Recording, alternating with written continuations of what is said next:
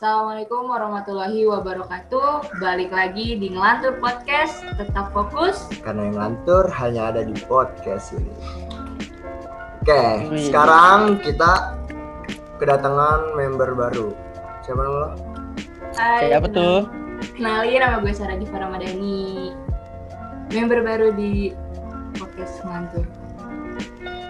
Selain Saradipa, nanti kita juga akan kedatangan narasumber. Dia adalah seorang influence yang bekerja di bidang media sosial gitu. Namanya Namanya Kak Carla Rizky. Kak Carla. Wah. Terus hari ini kita bakal ngebahas tentang media sosial. Media sosial. Yang Media- bakal dibahas itu eh, media sosial mengubah cara hidup. Sebelum lanjut ke Kak Carla nih, Betul. tanya dulu dong nih sama para cuwo-cuwo.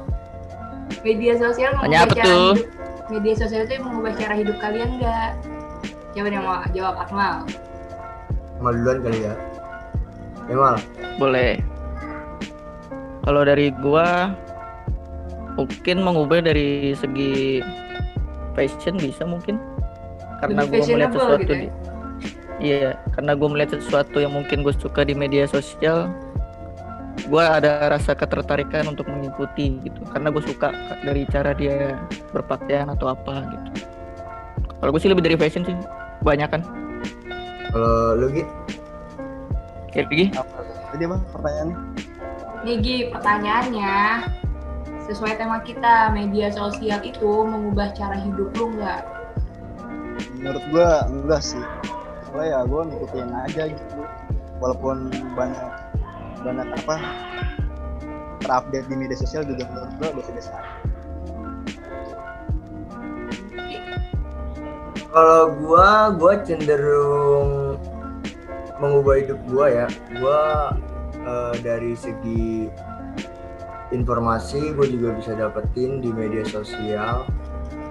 Terutama eh, buat bola ya, gua kan main bola juga. Jadi tuh gua juga bisa banyak kenalan sama klub-klub. Jadi gue bisa gabung juga di klub itu menurut gue ya dengan adanya media sosial gue bisa dapat teman bisa silaturahmi dengan orang banyak ya menurut gue itu sih yang bisa ngerubah hidup gue jadi awalnya tuh lingkungan gue kayak kecil ya kan Eh, dengan adanya media sosial gue bisa kenal dengan banyak orang dengan orang yang sebelumnya nggak gue kenal sama sekali sebelumnya. Kayak gitu sih menurut gue Udah. kalau Sardip, Sardip, Ya, gue ditanya. sekarang ya kan oh sebagai sebagai member baru, Kalau buat gue media sosial mengubah cara hidup. Atau enggak, ya buat gue sih ada beberapa yang mengubah cara hidup gue dari yang lama eh, cara hidup yang mungkin cara hidup yang jelek gitu. Jadinya gue lebih tertarik kan kalau Akmal lebih tertarik katanya tentang fashion fashion. Kalau gue lebih tertarik sama yang berbau dengan workout.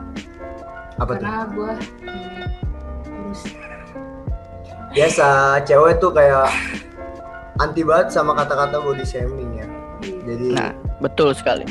Kalau cewek-cewek itu kadang emang hampir semua cewek itu insecurean jadi cewek itu Ya, bisa dibilang begitu lah. dibilang body shaming Ya udah daripada Lanjutnya? lanjut aja kita panggil Oke. Kak Carla daripada Hai. ini makin makin apa makin ngelantur nggak jelas kan kita langsung ke Kak Carlanya Hai kak Oke.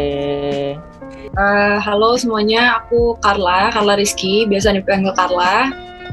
Tempat tanggal lahir nggak usah ya?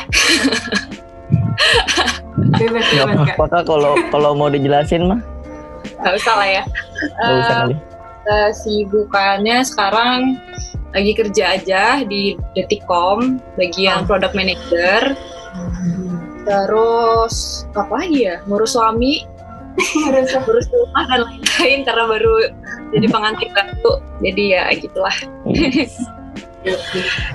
um, ini langsung aja ke pertanyaannya aja ya kak. Um, kan di sini kita membahasnya tentang media sosial karena emang ini untuk mata kuliah kita uh, teknologi informasi gitu. Nah kan uh, uh, pertanyaan pertama sih uh, menurut kakak media sosial tuh apa sih media sosial di artinya kakak? Menurut aku ya media sosial itu adalah suatu platform yang uh, kita bisa share apa pun pemikiran kita, konten-konten yang kita buat, dan lain sebagainya. Dan uh, media sosial itu berimpact sih ke mana-mana. Maksudnya apa yang kita share di media sosial itu bisa dilihat orang kan, bisa dilihat orang banyak gitu. Jadi ya itu kayak suatu wadah sih, wadah kita untuk menunjukkan menunjukkan apa pun, entah konten tentang kita atau hal-hal yang bermanfaat dan lain sebagainya. Itu sih.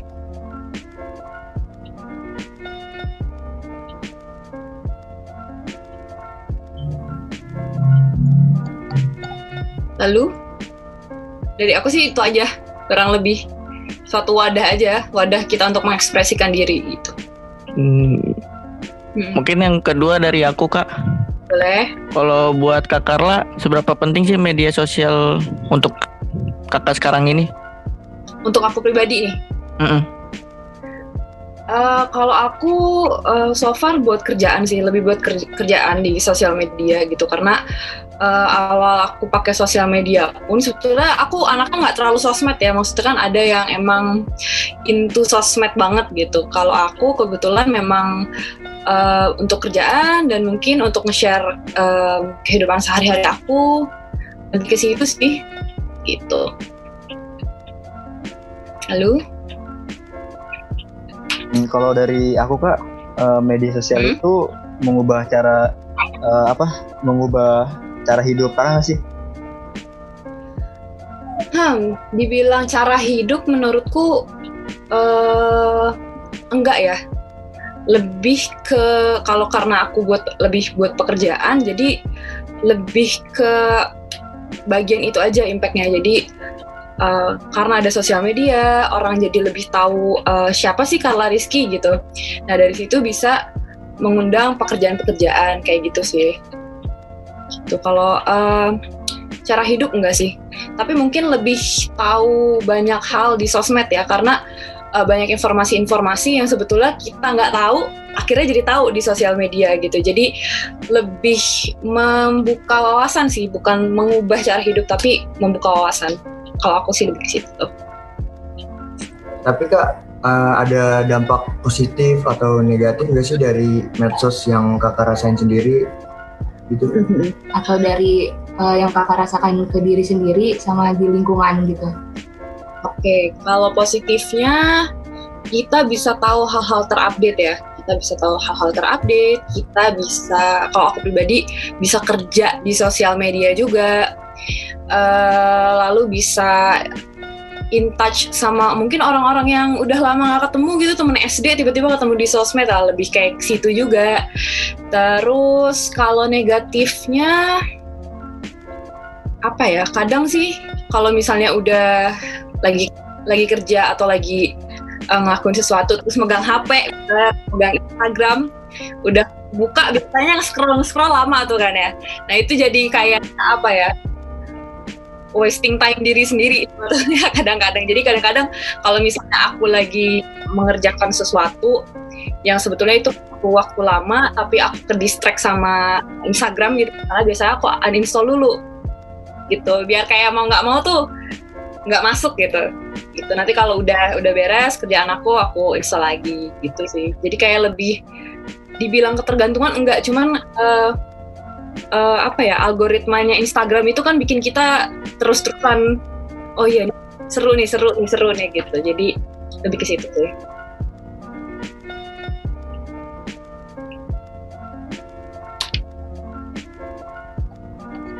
Terus kak, uh, menurut kakak pendapat kakak deh mengenai seseorang yang menyalahgunakan mesos gimana kak? Pendapat dari kakak sendiri pendapat dari aku ya. Hmm, ya seharusnya itu nggak boleh dilakuin. Karena apa pun yang kita ketik komentar ke orang atau berpendapat ke orang itu boleh-boleh aja. Cuman kalau sampai um, merugikan orang kan itu juga nggak bagus gitu. Harusnya kalau misalnya dia memutuskan untuk punya sosmed dia juga harus dewasa saat menggunakannya gitu. Nggak cuman main-main yang yang ya udahlah gue main gue komentar sesuka gue gitu. Ada mungkin harus ada kali ya training buat bocah-bocah yang baru baru megang sosmed gitu kan. Karena jempolnya tuh kadang suka nggak kekontrol gitu. Komentarnya apa ya gitulah. Harusnya sih lebih dewasa lebih bijak. Mungkin kalau yang masih di bawah umur uh, orang tuanya mungkin juga harus um, apa ya ngawasin juga gitu nih anak anak gue ngapain gitu di sosmed kayak gitu sih tapi adanya undang-undang ITE itu berpengaruh nggak sih kak sebenarnya buat orang-orang yang main medsos gitu? Uh, Ada eh, dampaknya nggak sih? So far yang aku lihat berdampak kalau itu dilaporin kan, ya nggak sih? Kalau misalnya iya. ada, misalnya aku ada yang ngomong nggak nggak di sosmed aku laporin ya itu berdampak gitu. Tapi kalau misalnya yang nggak punya apa ya privilege untuk ngelapor atau nggak ngelapor ya akan tetap seperti itu juga gitu. Karena kan kalau UU, UU setahu aku ya undang-undang kayak gitu juga diproses ya kalau misalnya memang ada yang laporin kalau merasa kalau nggak ada yang laporin nggak merasa ada yang dirugikan ya ya udah useless aja gitu. Itu sih. Mau nanya lagi nih kak uh, hmm? Menurut kakak kalau ada seseorang yang mem mempost foto atau video itu tuh hmm. posan mereka tuh dapat mempengaruhi orang lain gitu nggak sih? Kayak ngikutin gitu. Hmm. Oke, okay. bisa bisa banget ya. Karena kan orang bermacam-macam ya yang hmm. uh, pakai sosmed. Ada yang uh, mudah terpengaruh, ada yang bodoh amat gitu kalau misalnya ngelihat yang aneh-aneh, ya pasti di skip gitu. Tapi ada juga yang wah boleh juga nih gue ikutin walau uh, walaupun ternyata itu nggak baik gitu. Jadi uh, berpengaruh nggak berpengaruh tergantung si uh, yang ngelihatnya sih. Gitu makanya itu dia menurut aku perlu dewasa juga untuk memakai uh, sosial media tuh terpengaruh. Kakak ada contohnya nggak kak? Apa apa tuh terpengaruh? Ah uh, kan tadi kan apa kamu nggak foto atau video dapat mempengaruhi gaya hidup orang lain kakak termasuk yang terpengaruh kan ngikutin kalau, orang gitu. Kalau aku ya, kalau aku ya. Mm -hmm. Ya. Enggak sih. Enggak. Enggak. Karena ya itu menurut aku ya, kalau aku lihat biasanya terpengaruh ya yang mungkin umurnya masih di bawah, mungkin masih labil gitu SD SMP tapi udah main sosmed gitu atau yang memang link uh, wawasannya kurang bisa juga atau yang memang uh, yang memang sebetulnya nggak tahu itu sosmed tuh buat apa gitu cuman ikut-ikutan doang gitu. Kalau misalnya makin dewasa makin tahu tahu apa ya tahu wawa, wawasan makin luas tahu cara beretika itu menurut aku sih nggak bakal kepengaruh ya. Mungkin itu yang tadi aku bilang di awal seenggaknya wawasannya lebih luas gitu. Tentang apa yang terjadi sekarang tren sekarang tuh apa aja gitu. Gitu sih lebih ke situ. Kan tadi kakak bilang uh, rata-rata yang pasti bakal terpengaruh itu tuh uh, anak-anak yang di bawah umur gitu kan. Maksudnya yang emang mereka tuh masih labil. Uh, mm-hmm. kakak ada nggak sih tips atau saran uh, biar uh, pengguna medsos itu yang ter apa yang cara hidupnya berubah tapi mereka tuh bisa berubah ke, ke yang positif gitu kakak ada nggak sih tips atau sarannya gitu Oke, kalau buat kasus yang di bawah umur ya, itu tadi aku bilang sebetulnya butuh pengawasan orang tua juga ya. Maksudnya kadang zaman sekarang aja tuh baik biar nggak nangis dikasih handphone, ya, bener -bener. biar dia ya kan? Jadi uh, sebetulnya butuh butuh pengawasan gitu ya mungkin SD, SMP. Tapi nggak banyak banyak juga yang nggak di bawah umur. Nah itu menurut aku sih uh, faktor lingkungannya mungkin mungkin lingkungannya suka nyinyir gitu atau dia biasa biasa biasa banget gitu dengar nyinyiran nyinyiran di lingkungannya dan itu menurut dia adalah hal yang wajar ya bakal begitu di sosmed gitu atau yang misalnya wawasannya kurang. Wawasannya kurang komentarin dengan sotonya. Malah jadi ngerugin orang lain gitu misalnya. Itu kan uh, faktor luar ya. Maksudnya kita nggak bisa dikontrol. Jadi kalau buat aku sih uh, misalnya aku ada yang komen aneh ya biasanya langsung aku hapus sih. Gak usah ditanggepin. cara cara karena uh, nggak usah ditanggepin nggak usah uh, dibesar besarin kalau mau dihapus dihapus. Kalaupun dihapus gitu. Menurut aku sih itu. Karena kita nggak bisa ngontrol lalu ngontrol luar itu kan. Misalnya nggak mungkin kita uh, ngontrol lingkungan rumahnya dia yang suka nyinyir misalnya. Atau yang wawasan yang mungkin kurang kurang luas atau gimana gitu. Karena nggak akan ada habisnya sih mau ngejelasin apa pun. Kalau misalnya itu orangnya memang memang seperti itu gitu gitu Gimana ada yang mau ditanyain lagi nggak nih? Seputar kehidupan kakak boleh nggak diceritain? aku aku Ada gak pekerjaan kakak. Nah, nanya apa lagi? Em, tanya apa? pengen Tapi kayak nanya kakak, sok kakak ngikutin tren di medsos nggak sih kak? Contohnya tren apa nih? Oh iya, kakak, Eh. kakak punya media sosial apa aja nih selain Instagram? Nah itu, TikTok itu boleh tuh. Kok kamu gak punya? Suamiku malah punya nih. Waduh. Kira juga Waduh, punya TikTok. aku sosmed tuh punyanya ya standar lah Facebook, Twitter, Instagram. Cuman kalau Facebook sama Twitter aku udah gak main. Paling Instagram aja sih gitu karena memang pada dasarnya aku bukan orang yang tipe uh, sosmed banget gitu. Hmm. Sampai orang-orang punya TikTok pun aku sampai sekarang nggak punya TikTok gitu. Nah itu kan suaminya juga punya ya kak? ya kayaknya bakal ini deh biar nyaingin bentar lagi aku punya akun deh sampai sekarang belum sih karena eh, kadang mikir juga punya TikTok apa ya kontennya gitu tapi mungkin kalau misalnya eh, udah ada ide mau konten apa ya mungkin akan dibikin gitu nggak mungkin joget-joget kan aku di TikTok gitu pakai jilbab terus joget-joget gitu kan ya gimana ya Pandangan warga Indonesia. Nih kak, aku tuh mau nanya tentang apa ya? Tentang pekerjaan kakak yang aku lihat di bio Instagramnya yang part of apa nih? Part of transport. Itu kakak di bagian apa ya sih? Ah, itu kan aku tulisnya di transport TM. Kalau Hmm. kamu lihat videonya, transport TM itu TM-nya adalah talent management. Jadi aku tuh di bawah di bawah talent manajemennya Trans TV sebetulnya. Nah, di talent management itu aku di am, dari berapa ya? Dari 2015 dari aku hijabhan. Ya aku tahu kakak dari hijab kan? Tahu ada- aku dari hijabhan kan. Iya. yang sunset itu kan. Nah itu dari 2015 aku ditarik. Nah eh, di trans management itu aku juga dimasukin ke Nash Indonesia karena di bio kan ada juga ya vokalis Nash Indonesia di Islam itu indah itu. Cuma eh, semenjak pandemi mereka eh, rubah format kan jadi nggak ada home bandnya. Jadi aku udah nggak syuting lagi sih di, di eh, syuting reguler ya maksudnya yang tiap hari itu udah nggak cuma kalau di Nash Indonesia-nya jadi vokalisnya masih Tapi kak ada tips gitu nggak sih kayak kita kan jurusannya kan broadcast gitu. Nah, nanti Ya. kan bisa tujuannya kan ke TV juga kan. Oh iya iya Nah, nah itu eh, ada Dari tipsnya nggak sih buat kerja di TV itu gimana? Siapa tahu udah di Ada saran-saran. Lo biar Nyari buat kerja di TV itu kayak gimana Walaupun gitu. masih lama kak.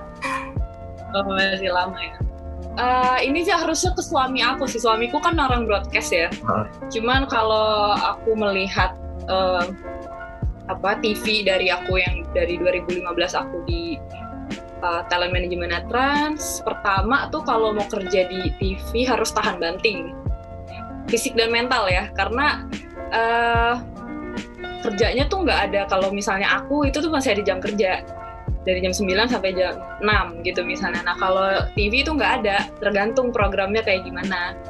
Mau begadang sampai jam 2-3 pagi gitu, buat terus eh, nginep di kantor 2-3 hari itu udah hal yang biasa gitu. Jadi paling ngebiasain itu sih.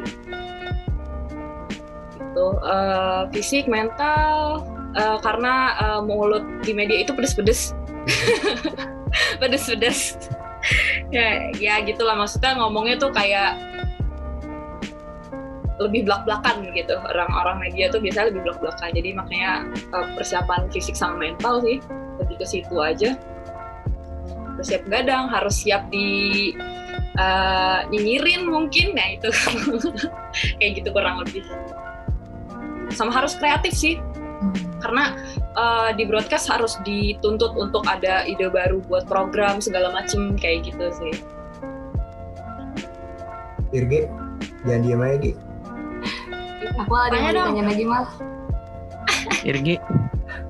Irgi makanya Irgi. Ayo dong jangan ngelantur mulu dong. Nama podcast kita. Oh iya bener. Irgi mau nanya nanya apa nih? Itu kan kalau orang broadcast kan di bagian di balik layar ya? Mhm. itu apa bener? Katanya kalau ya, orang lain liburan kita nggak liburan gitu. Ya itu yang aku bilang dia tuh nggak ada jamnya. Nggak ada jamnya. Itu tergantung kebijakan masing-masing program sih. Tapi yang aku lihat kali di Trans TV ya kalau memang Sabtu Minggu atau hari libur butuh syuting ya syuting gitu tapi rata-rata kayaknya di TV mana pun gitu sih gitu kan karena ngejar program kan ngejar ngejar waktu juga Hmm. jadi siap-siap nggak ada libur ya gak ada libur tapi keuangan Liburan. menjamin gak ya? Wah, keuangan. Aduh, gimana ya jawabnya? Eh, keuangan standar fresh graduate lah. Kalau baru masuk terus eh, masuk TV ya standar fresh graduate. Gitu. Dan akan meningkat sesuai dengan ininya ya jenjang karirnya kan nanti akan naik. Emang rencananya mau di bagian apa broadcast? Mal, Vicky bagian apa? Mal mal aku mau jadi jurnalistik kak Jurnalis. Mm-mm. Oke, yang ke lapangan ya berarti ya? Ya sih iya lebih di enak lapangan lebih enak di lapangan sih kalau kalau aku sih Ke mana? niatnya ya lebih enak di lapangannya kalau di TV Oh, kayak reporter gitu. lapangan. Ya sih. lapangan juga kan? oh tergantung sih, tergantung programnya kan ada program studio sama program non studio tuh. Iya, Ya, lebih enak yang non studio sih sekalian jalan-jalan gitu kan. Kayak nyari-nyari berita gitu kan seru juga kayak. CNN tuh ada tuh CNN, CNBC, jurnalis gitu. Empat tahun lagi. Masih lama ya. Masih lama. Tapi kalau covid 2 tahun lagi sih cepet. Insya Allah Cepet lah. Ini udah semester berapa sih? Baru masuk Baru kan? masuk. baru mau semester 2 kak Enak maba. Gimana jadi maba periode COVID ini? Angkatan COVID? Enak. Tapi tugas mulu. Tugas mulu. Tugas mungkin sama aja sih kak. Cuman kayak kalau misalkan ini kayak tugas kelompok gini, kayak itu kan kalau misalkan di kampus ada tugas kelompok, pulang mungkin pulang kampus bisa langsung ini mau gimana mau gimana mau langsung Bisa dikerjain ngumpul. gimana ini tuh susah gitu loh. Harus adaptasi ya. Iya. betul enaknya kalau sekarang kuliah online nggak butuh mandi ya. Kalau dulu kan kalau ke ke kampus kesiangan harus mandi harus itu. Pas sekarang mah ya aja aku pakai daster dalamnya sebetulnya. Kerja di rumah. enaknya kalau online kak Mm-mm. salah satu enaknya Iya sih. Dia sih kak itu aja yang mau ditanyain. Misalkan eh, tema yang kita ambil tuh media sosial mengubah cara hidup dan dari pendapat kakak sendiri ya media sosial itu nggak nggak semua orang bisa jadiin media sosial eh bisa ngubah cara hidup mereka dari media sosial kan pinter-pinter kita untuk menggunakannya. Tergantung sih tergantung. Dan kalau misalnya itu tadi misalnya udah ngerasa kayak ketergantungan ya misalnya ketergantungannya tuh nge-scroll nge-scroll IG aja gitu misalnya ya kita harus ada self control sendiri itu. Kayak kalau aku misalnya udah "Eh, kok IG pengennya lihat ini pengennya lihat itu gitu. Ya udah aku stop aku uninstall dulu gitu. Duh, sehari gitu karena kadang pengennya ngelihat A terus kan eh, algoritma algoritma algoritma tuh apa ya? Kayak flow-nya si Instagram kan dibuat memang biar kita tuh ada di Instagram terus gitu. Emang dibuat seperti itu dari sananya dari Instagram gitu jadi harus pinter-pinter kita aja sih. Hmm. gitu Iya. Oke ya.